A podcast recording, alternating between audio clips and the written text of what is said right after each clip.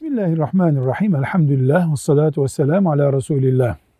Yaygın sıkıntılardan birisi vesvesedir. Bu vesvese tıbbın da çok yorulduğu ağır hastalıklardan bir hastalıktır. Şüphesiz farklı farklı düzeyleri var. Bir de tuvalette gelen vesvese var. Tuvalette vesvese büyük abdest veya küçük abdestten sonra temizlenmediğini, kirli kaldığını zannedip bir saate yakın tuvalette kalabilen, geldikten sonra kirli kaldığını zannedip tekrar tuvalete giden insanlar oluyor.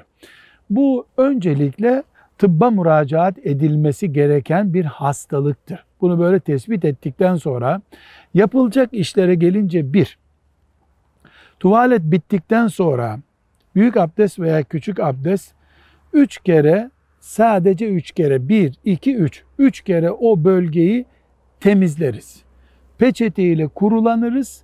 Ondan sonra kalkarız.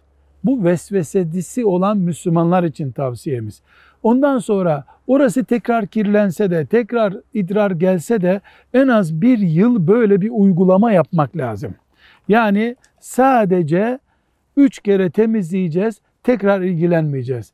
Bir de abdest alacaksak o tuvalet bozduğumuz yerde değil, ikinci bir yerde abdest alacağız.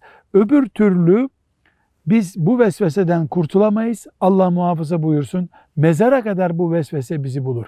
Küçük bir tavsiye daha.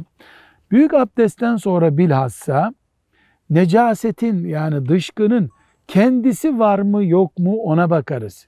Çamaşırda doğal bir kirlenme, sarı bir renk oluşur. Bu insanın e, sadece e, necaset olan büyük abdestinden oluşmuyor. Yani bedenin kirinden de oluşabiliyor. Bu namaza mani olan bir pislik değildir.